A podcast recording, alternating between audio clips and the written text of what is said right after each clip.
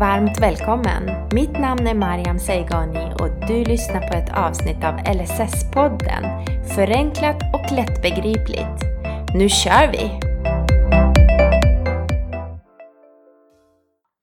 Hallå, hallå och varmt välkommen till ett nytt och spännande avsnitt av LSS-podden. Idag har jag med mig en arbetsterapeut, en sexolog, en författare, en rådgivare och konsult och en föreläsare. Och alla de här benämningarna är ihoptryckt i en och samma person, nämligen Stefan Balog. Välkommen Stefan! Hej, tack! Vad bra! Jag, jag, jag har sagt det till dig flera gånger nu. Jag har sett fram emot att få prata med dig i veckor nu. Ja, jag var så nyfiken på vad du har läst. det är bara att googla dig. Ja, eller hur? Det är hur mycket som helst som kommer upp. Så det är jättekul att ha det här och för att lyssnarna ska veta så spelar vi in det här avsnittet över Teams så att kvalitet på ljudet är vad, vad Teams tillåter helt enkelt så att man vet om det. Men det brukar bli rätt så bra ljud och jag ska försöka att prata lite mer artikulerat och låta skånskan backa lite grann. det låter jättebra. Men tyckte du att en, en liten beskrivning av dig, var, var det rättvist? Ja, det, ja alltså den, det är ju inte en beskrivning av mig, det är mer en beskrivning av vad jag har gjort. Ja. Eh, en beskrivning av mig, det är ju någonting helt annat. Kan inte vi ta den beskrivningen om dig då? Uh, jo, jag tänker att du, jag tror att du ställde frågan hur kommer det sig att jag, jag blev intresserad av detta ämnet sist vi pratade? Ja, men det gjorde jag. Ja, och den ingången är, den blev rätt så bra. Eh, mm. Jag är eh, skåning, 55, bott i Stockholm i 25 år. Så jag är nog mer stockholmare än skåning tror jag. Ja. Jag jobbade med motorcyklar tidigare, var mc-meck i drygt 20 år. 20 år. Ehm, hade en olycka, började på arbetsterapeututbildning och under arbetsterapeututbildningen så fick vi höra ord som arbetsterapeuter skulle ha en helhetssyn och se hela människan. Ehm, och när vi hade, när vi hade vår medicinska utbildning så hade vi från, från skallbasen till bäckenet och sen hoppade och sen så började från höfterna och neråt. Och då tänkte jag, jag saknar lite helhetssyn här. Uh, vad händer i, i det här genitala området? Nej, men det ska vi inte prata om. Det arbetar inte vi arbetsterapeuter med. Uh, och under arbetsterapeututbildningen så fick jag lite problem med, med det området som vi inte pratar om. Uh, och fick reda på att jag hade en, en dold funktionsnedsättning så jag mm. har någonting som heter Klinefelter syndrom, vilket innebär att jag är född med en extra X-kromosom. Eh, kan inte bli eh, biologisk pappa, eh, är pappa eh, genom donator och producerar nästan inget manligt könsorgan. När jag fick veta detta av den eh, läkare så berättade han för mig, när han skulle berätta för mig att jag var steril, så berättade han att men du behöver inte vara så ledsen för sterilitet vet du. Alltså det, det kan man leva med. Alltså barn det är bara kvinnans sätt att hålla dig fast i en monogam relation. Ja. Eh, och när jag gick därifrån så tänkte jag det här borde kunna gå att levereras på ett bättre sätt.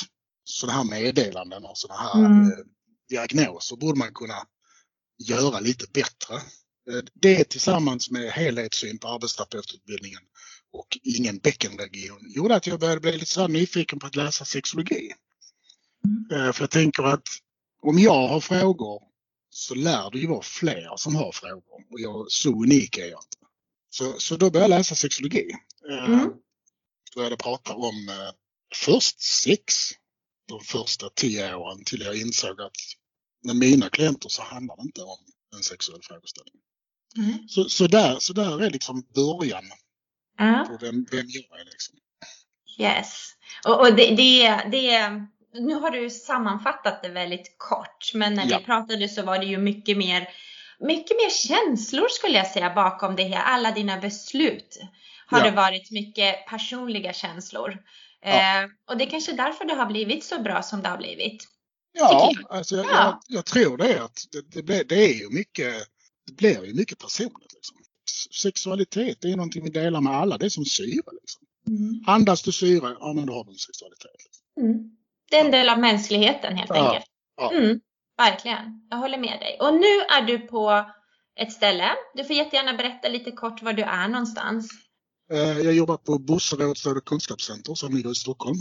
Eh, vi är en verksamhet som har funnits i 40 år eh, och vi ger råd och stöd inom allting i livet. Allting som har med vård och samhällsservice på grund av att du har en fysisk funktionsnedsättning. Och där har jag jobbat i 15 år så man skulle kunna säga att jag trivs. Bra. lär, lär, lär inte sluta. Nej, nej och det är, det är jättebra. Och sen så har vi ju har vi ju pratat om en sak till, för jag nämnde ju att du även är författare. Och det är ju ja. en, en bok du har skrivit. Ja, eh, för när jag började så försökte jag hitta böcker som handlade om sexuell hälsa, sexualitet och, och just funktionsnedsättning. Och jag hittade böcker om intellektuell funktionsnedsättning och jag hittade böcker om vilka sexuella problem som kan finnas. Eh, men jag hittade liksom ingen bok som förklarade, okej okay, men hur kan jag arbeta med dessa frågor som arbetsterapeut? Eh, så då började jag skriva en bok 2018. Tror jag började skriva. Mm. Eh, och då tänkte jag att jag skulle skriva utifrån vilka, alltså vad är det som, vilka lagar gäller i Sverige? Hur ser hälso och sjukvårdslagen ut? Hur ser patientlagen ut? Den kom 2014. Eh, hur ser den etiska koden ut för arbetsterapeuter eller sjukgymnaster och sjuksköterskor? Eh, och så tänkte jag att ja, men, då skriver jag om de här lagarna och så skriver jag lite historia om hur sexologin har, har börjat komma in i, i medicinen. Mm. Eh, och så kör jag fallexempel från, mm. från, eh, från 20 års arbete med frågeställningar. Eh, och så väver jag in det med de här lagarna och vad olika, olika forskningsrapporter har sagt. Och så blev det en bok, så, så den heter Det börjar med K. Då står K för inte det de flesta tänker på, utan det står för kunskap. Ja, inklusive mig. inklusive det. Ja, de flesta, de flesta tänker att K står för någonting rätt fult. Men, men eh, eller fult, det är ju egentligen inte fult, det är ju det som gör att barn blir gjorda. Men, men eh, det står för kunskap. Så ja. vårdpersonalen behöver kunskap och mm. eh, patienten, klienten, VDn som vi kallar våra klienter, behöver också kunskap för att det ska hamna på rätt nivå. Eh, så den är jag jättestolt över. Nu håller jag på med K2. Jaha. Eh, ja, tänkte vi får fortsätta. Det finns mer att skriva. Ja, det tycker jag. Så boken heter Det börjar med K som står för kunskap och inget annat. Precis. Och om du skulle bara i en kort mening beskriva vad den handlar om och till vem det är riktat till. För anledningen till att jag frågade det är för att vi tänkte, eller jag tänkte faktiskt lotta ut din bok till lyssnare. Mm. Ja. Så därför tänkte jag att om vi bara snabbt berättar kort och konstigt vem det är till för, tänkt till för och vad det handlar om. Alltså jag tänkte ju från början att den skulle vara till både vårdpersonal, alltså som jobbar inom vården, jobbar med människor som har fysisk funktionsnedsättning. Men också till personer som har en fysisk funktionsnedsättning för att, för att upplysa om att man kanske ska, man kanske ska analysera vad problemet är först själv innan man mm. ställer frågan. För frågan mm. kanske inte är sexuell. Nej. Det ger ett sexuellt problem men själva problemet, ursprungsproblemet kanske inte är sexuellt. Eh, så boken heter En bok om att möta frågor om sexuell hälsa utifrån fysisk funktionsnedsättning. Mm. Eh, och den, den utgår ifrån att sexuell aktivitet är just en aktivitet och vad behöver vi för att kunna genomföra sagda aktivitet. Mm. Superintressant, verkligen. Eh, och som sagt, vi lottar ut det. Vi får, jag får klura ut hur jag gör det sen, men på något sätt så, ja. så tänkte jag. Ja.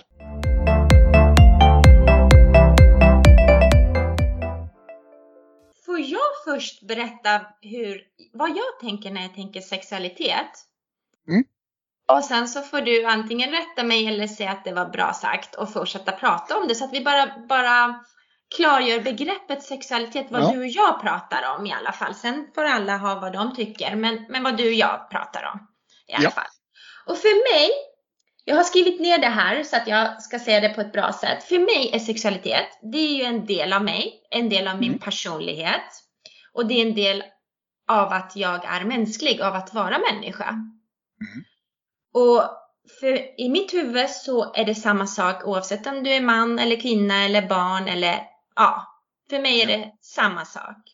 Och sen så, så när jag hör ordet sexualitet, trots att det är ordet sex i den, så tänker jag faktiskt inte på just samlag.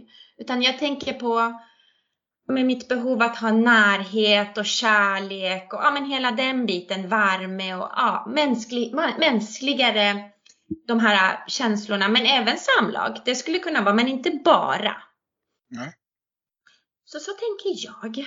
Nu Mm. lämnar jag över ordet till dig. Eh, och jag skulle säga att det är en rätt så bra, eh, bra sammanfattning. Mm. Eh, för det är ju det det handlar om. Sen handlar det om, om att vår sexualitet, alltså i, i grunden är ju det handlar ju om just det här att, att vi vill bli sedda som den roll vi är i beroende på vilken roll vi är i. Och när jag säger så så menar jag att vi kan vara, vi kan vara barn, dotter, son, make, maka, syster, bror, arbetstagare, student, chef, eh, lärare och vårt yrke. Liksom.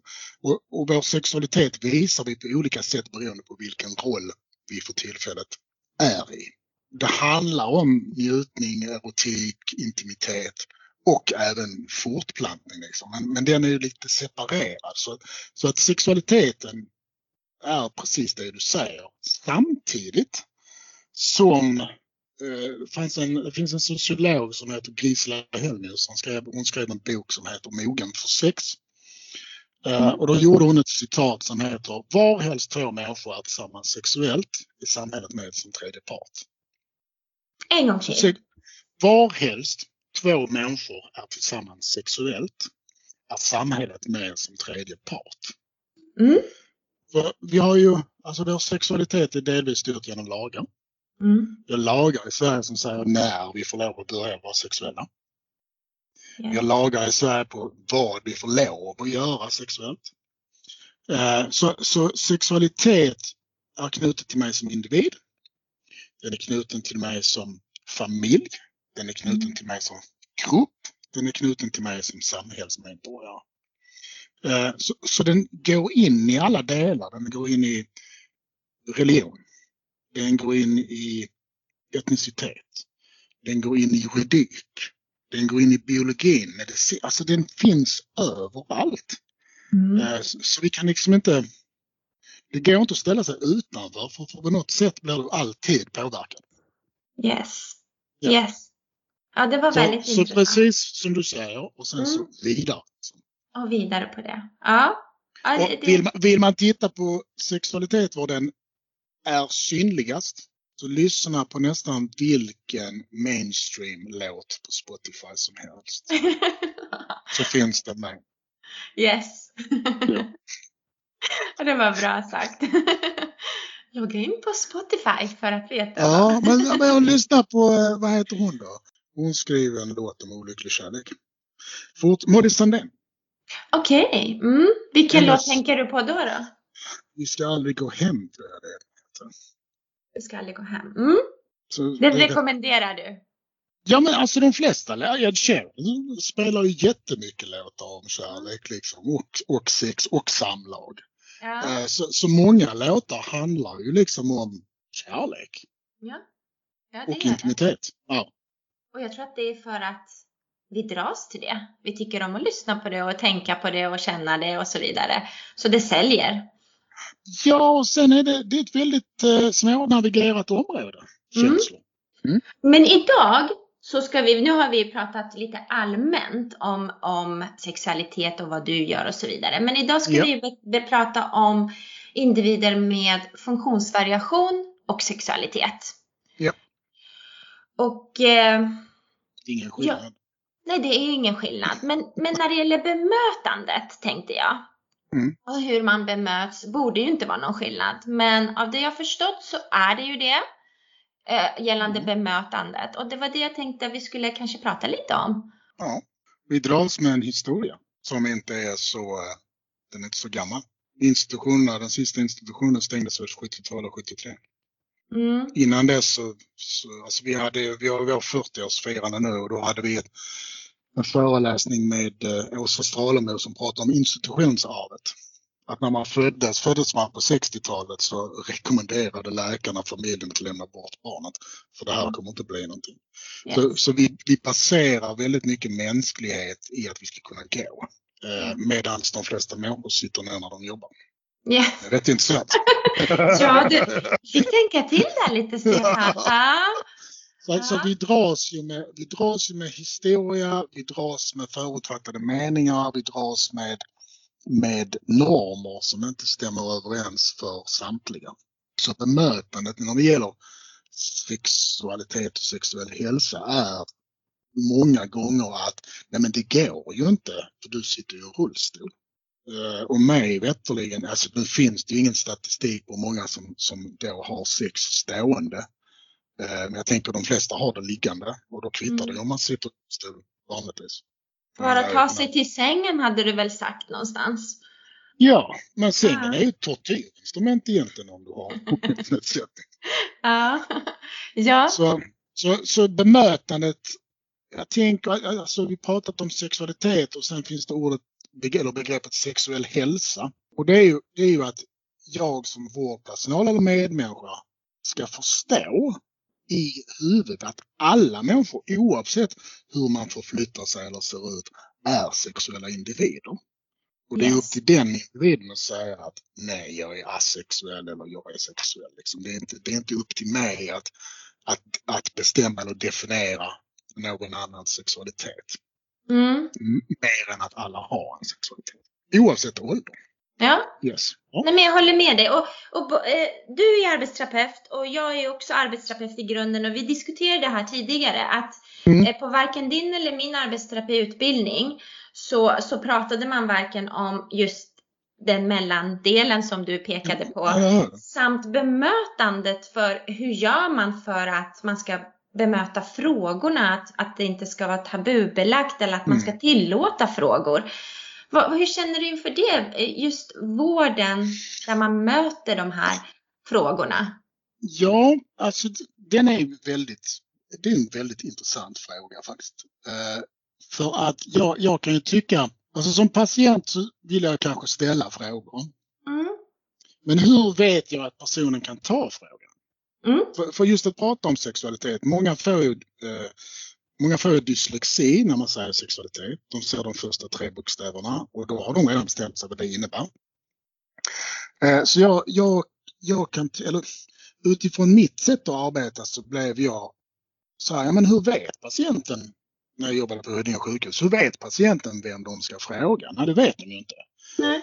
Eh, Så det gjorde jag och en kurator, vi gjorde en, eh, en liten tavla där vi berättade att vi kan prata om sexualitet och satte upp den på, på avdelningen. Och så berättar jag för varje person jag möter att har du frågor om sex och samlevnad, relationer eller, eller sex så kan vi prata om det.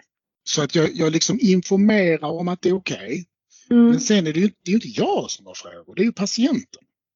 Så att, så att ställa en öppen fråga. så- alltså, vi hade på sexologi när jag pluggade det sista, sista vändan, då var det ja men hur ställer man en fråga om sex? Ja, jag kommer fram till att det gör man inte. För, för hur du än gör så kommer den att bli värderad. Att ställa frågan, ja hur är sexlivet?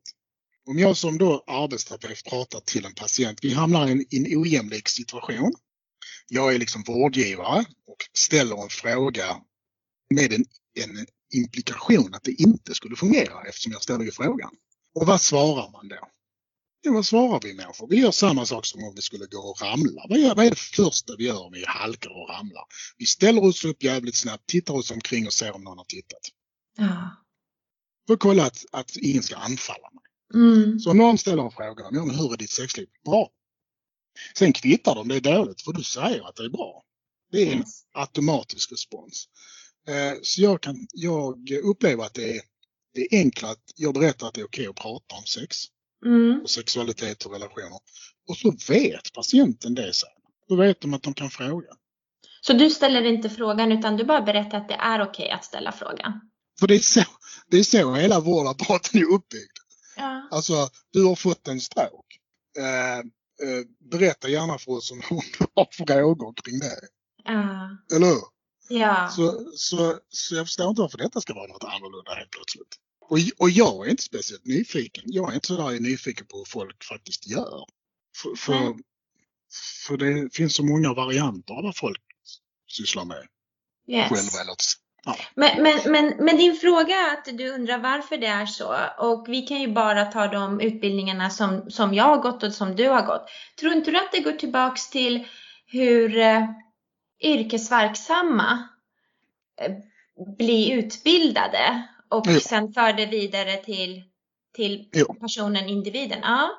Alltså jag har ju en, jag har en, en exempel i boken. Det var en, en kvinna som hade jobbat i 30 år som berättade för mig att nej men jag tror inte de har sådana frågor. Jag tror du är fel ute. För jag har jobbat med detta i 20 år och det är aldrig någon som har frågat mig.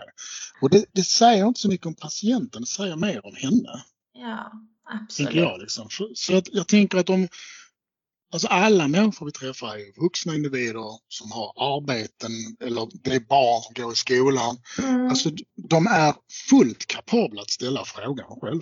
yes. Tänker jag liksom. Har jag en Mm. fråga så, så vill jag bara veta vem jag ska fråga så att jag inte blir avvisad. Yes. För när den ställs, Mm. när, när frågan ställs, då är det att blotta sitt allra mest intima och du, du, du, du hoppas att personen ska kunna ta emot det. Det är det. Rätt mycket styrka att ställa den frågan. Mm. Du, jag har Mm. frågor om sex, kan vi prata om det? Det är, en, det är en rätt så svår fråga att ställa. Det är en väldigt svår fråga för många. Ja, ja. Verkligen. Verkligen.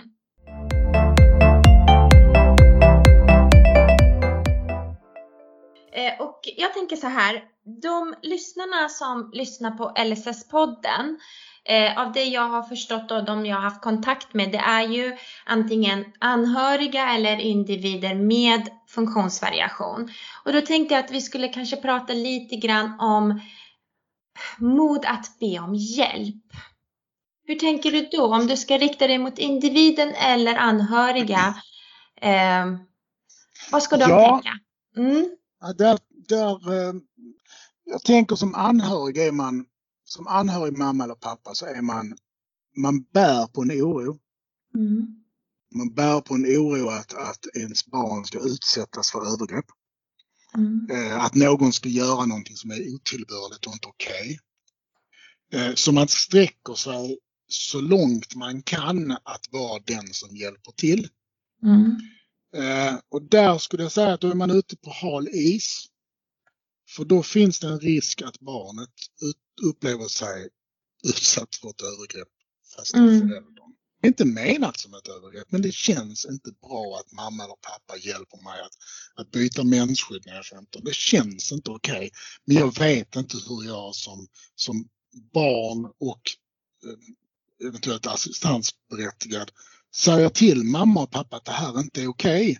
Då finns det ju en risk att jag inte får hjälp med det jag faktiskt behöver om en Mm. halvtimme.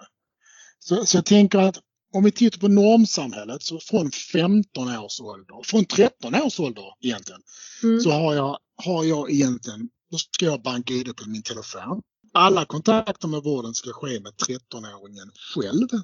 Mm. Mamma och pappa får vara med men det är, det, det är barnets bank-ID. Från det jag är 15 så har jag, har jag enligt lag är jag byxmyndig i Sverige. Jag får lov att ha sex med en annan person.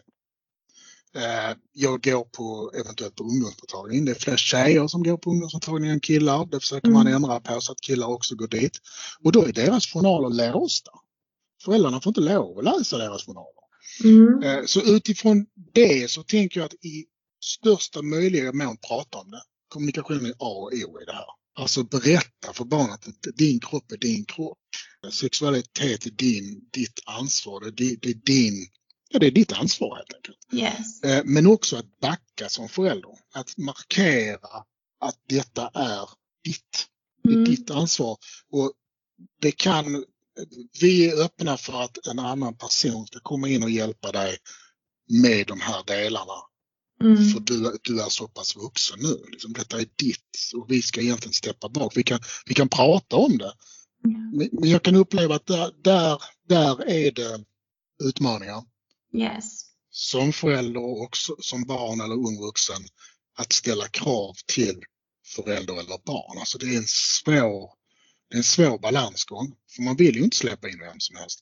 Och så är, ju, så är ju LSS utformad också. Du ska inte behöva släppa in vem som helst. Nej. Du ska kunna välja vem du vill ha som gör det här. Mm. Liksom. Yes. Eh, Så jag tänker att förutsättningarna finns. eh, Men det är en, men det är en stor utmaning. Ja, alltså jag tänker på min, min egen son, han fyller 13 i, i januari. Mm. Och han kom förra veckan och sa, ja men det här med sex, pappa. Ja, ja alltså jag vet ju om att jag kan fråga dig, men Mm. det känns lite olustigt. Det var just ordet han använde. Mm. Så sa du vet bokhyllan i, i biblioteket? Ja, där står 40 böcker om sexologi. Du kan läsa, välj en. Och har du frågor så antingen pratar du till mig eller så går vi till ungdomsmottagningen och så får du träffa dem. Liksom. Så, så jag tänker den, det beror på hur öppen man har varit med att prata om sex, tänker jag med sitt barn. Yes. Men det, men det handlar ju om, alltså det är ju svårt om... Jag hade en ung tjej, eh, det var en ung tjej som kom till mig som sa att jag tycker det är jättejobbigt att pappa ska vara den som hjälper mig att byta mensskydd. Och, och vi hade ett möte, det var jag, kuratorn, eh, eh, tjejen och fam, familjen, han var pappa då. Där det här kom upp och då var det, ja men vi är rädda att det ska bli ett övergrepp. Mm. Fast, fast hon tycker det känns jävligt jobbigt att du är här. Ja men om det blir mamma då? Nej jag vill inte ha någon av er Nej. i mina trosor liksom. Inte någon. Eh, och, och jag tycker det är väldigt viktigt att, och det kanske är svårt som förälder att se att mitt lilla barn som har ryggmärgsbråck eller, eller fått en CP-skada eller muskel, muskelsjukdomar, att, att detta är en sexuell individ och att, det, att denna personen kommer kunna ha sex. Oavsett vad det innebär, alltså hur vi nu har det. det men, men där tänker jag att där kanske man också bör öppna sig. Alltså, föräldrar lever ju i samma norm. Liksom. De har ju levt med samma, det är samma historia. Men att, att se att ens barn kommer att bli en, en individ som tar del i alla delar av samhället. Ja. Det tror jag man måste ha med sig. Man måste liksom, ta inte bort den möjligheten från barnet. För om du inte pratar om att ja, men det går över när du gifter dig. Eller, eller, alltså alla sådana här saker som Ja. jag fick höra när, när jag var liten. Liksom. Eh, då finns ju det med när man Mm. växer upp. Att, ja, ja, men när jag själv gifter mig, då får jag, eller som mamma sa, ja, så länge du lever i mitt hus så följer du mina regler. När du får egna barn så kan du ha dina regler. Ja. Sådana saker. Liksom. Ja. Jag, träff, jag träffar ju unga vuxna och äldre som aldrig har hört sina föräldrar säga en sån sak. För att man har en funktionsnedsättning. För, Mm. för föräldern vågar inte säga det. Nej. Med rädsla för att det kanske inte blir så. Men det behöver inte bli så för någon. Nej. Det kan, men vi, aldrig, det kan vi aldrig garantera. Liksom. Ja, men jag håller med dig. Och av, av ditt svar, det jag tolkar i alla fall eh, för mig själv också, för jag har två små tjejer. Det jag tänker mig det är att när det är situationer där jag och kanske även de, om jag kan uppleva att de tycker det är jobbigt och jag tycker det är jobbigt, då, så ska man ju nästan vrida på kommunikationskanalen. Ja. Ännu mer kommunikation, Precis. inte mindre. Ja. Eh, det är väl den enda lösningen för det är svårt. Det är jättesvårt. Jag håller fullständigt med dig i det du säger att det är så jag upplever föräldrar och anhöriga. Eh, Ja. Men kommunicerar man om det så kommer man väl fram till någonting till slut. Ja, jag tänker det är väl också att, att, att kommunicera med sitt barn, oavsett ålder nu, så ger man ju också en bild av att jag tror att du kan det här. Mm. Ursäkta mig. Alltså min, eh, min dotter är 10, jag tror hon var 8 och sånt så, så behövde hon hjälp mitt i natten. Och då vaknade jag och så sa jag, kan hjälpa mig, tycker du det är okej eller vill du ha mamma? Nej men jag vill ha mamma. Bra, Mm. in och hämta mamma och så får mamma hjälpa till. För då ger jag henne ansvaret att ta det beslutet och jag Mm. tror att hon kan ta beslutet. Hon är bara åtta men hon vet vem Mm. hon vill ha ska hjälpa henne. Yes. Yes. Yes. Och det, Ja. ja. Ja. Och i vissa frågor och i vissa fall är det mer självklart. Och i vissa får man faktiskt som förälder tänka till ett varv. Ja, ja. För att göra rätt. Ja. Men det känns så skönt att höra att även du kan tycka att ibland det kan kännas konstigt. Att det är inget Absolut. fel att man tycker att det känns obekvämt eller konstigt eller att ha Nej, sådana och- frågor. Nej, obekvämt och konstigt kommer ju upp konstant. Alltså jag, Ja. jag, jag ju vuxit upp med samma normer. Ja, ja. Jag kan inte ta bort mig själv från samhället. här. Nej, jag, jag är felfri liksom. Det funkar Mm. liksom inte så. Mm. Uh, och sen, sen, är det ju människor som har åsikter om att jag gjorde rätt eller fel. Ja, och det får, det får man ha. Ja, det, det, är helt, vi kan ha olika, vi kan, vi kan komma överens om att vi inte tycker lika och det är okej. Okay.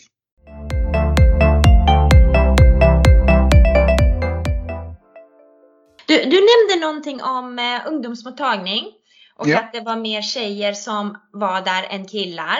Så jag tänkte ja. faktiskt prata lite grann om, om skillnaden mellan könen och om det är en skillnad först och främst. Och är det det, hur upplever du det? Och då är det kopplat till just sexualitet och funktionsvariationer då? Ja, alltså jag tänker här, här håller någonting också på att hända. Eh, forskningen som finns den är gjord för de som eh, går till ungdomsmottagningen i eh, 90-tal, eh, 2000-tal i början, så 90-talet, 2000-talet.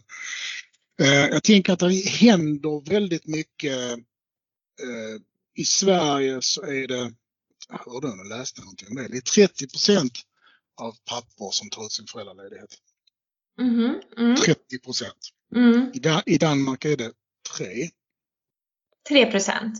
Ja. Så pappor i Sverige tar ut en större del av föräldraledigheten, vilket betyder att vi är hemma med barn av olika kön. Vi byter blöja, vi, vi, vi tvättar av, vi, vi är närvarande och gör det som traditionellt i Sverige sett som ett, ett kvinnligt göromål.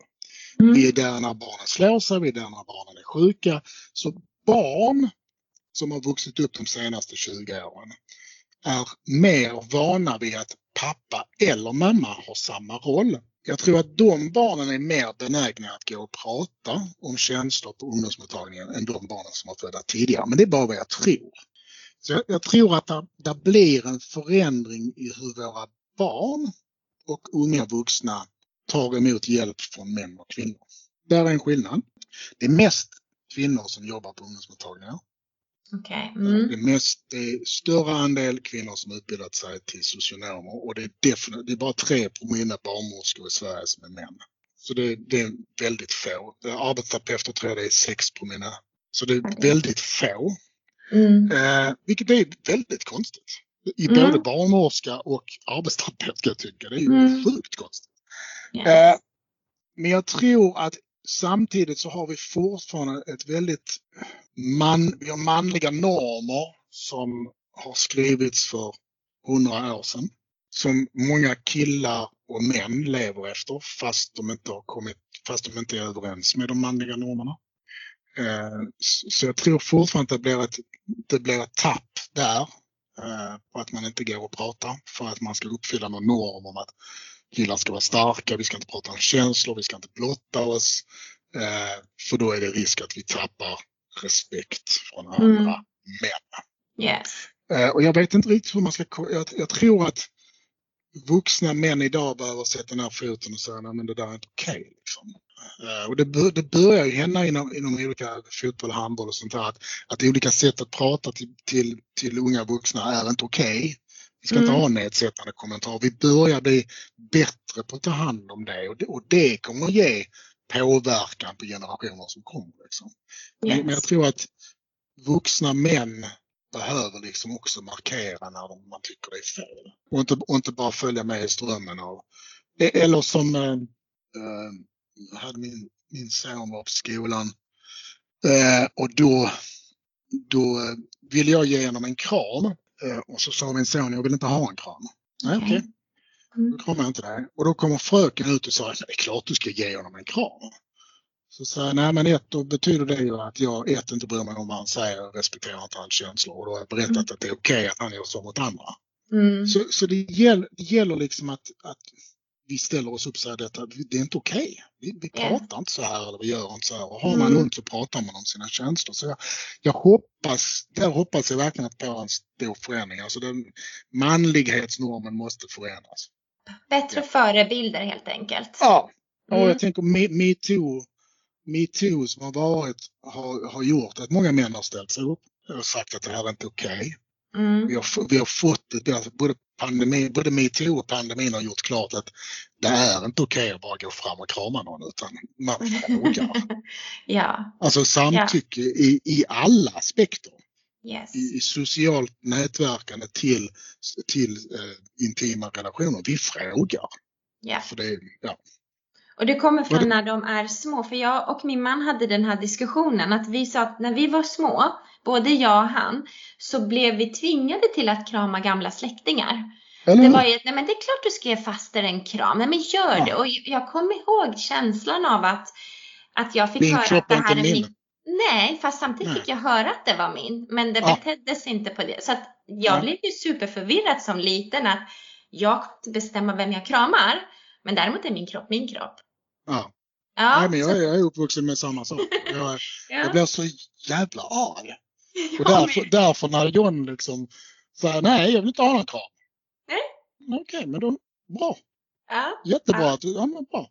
Men ja, Ja, men det var lite ofostrad och inte kramas när man när föräldrar sa att det var liksom ja, lite, ohövligt. Och det var, vadå, Ja. gillar du inte mormor? Jo, jag gillar henne, men jag vill inte krama henne för hon luktar illa.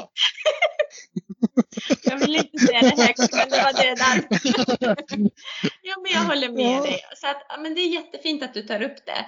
Verkligen, för det är verkligen så som eh, jag försöker tänka i min uppfostran för Ja. mina barn. Så brukar jag tänka att du, jag talar ju om för dig att det är din kropp. Och då är det Ja. alla delar av i livet. Eller, eller hur? Absolut, absolut.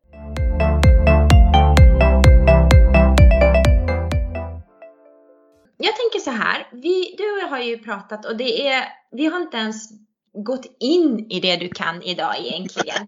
Det här är inte ens det du, du eh, Ja, ja fast det, jo, men jo, för det vi pratar om nu, det är att vi måste vara, alla måste vara medvetna om att det finns en historia Mm, eh, som inte är så positiv när det gäller eh, bemötande och behandlande och ja, behandlande av, av personer med funktionsnedsättningar. Vi får inte glömma att den har funnits. Eh, och, ungdomar som växer upp med funktionsnedsättning har ju hört äldre som har funktionsnedsättning som berättar om de här, de här övergreppen som har skett eller de här, det här extremt dåliga bemötandet som har varit. Det är liksom ingen, ungdomar med funktionsnedsättning idag är ju inte en, en isolerad grupp som har blivit skyddad från allt negativa.